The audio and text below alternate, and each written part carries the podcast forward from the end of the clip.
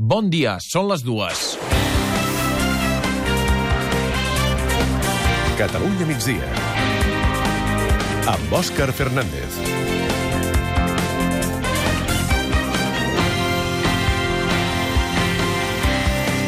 El Partit Popular va negar amb tota la contundència que va poder que la tria del 25 de desembre com a data d'unes hipotètiques terceres eleccions espanyoles fos un acte més de pressió a Pedro Sánchez perquè fes president Mariano Rajoy.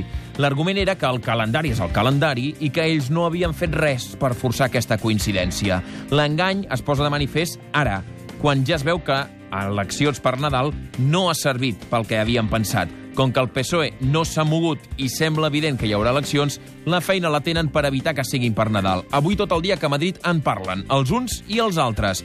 Tots estan d'acord que anar a votar entre torrons és un disbarat. Llàstima que se n'hagin adonat ara i no quan van triar les dates. Jugar amb el calendari per interessos propis té aquestes coses, que se't pot veure molt clarament al llautó.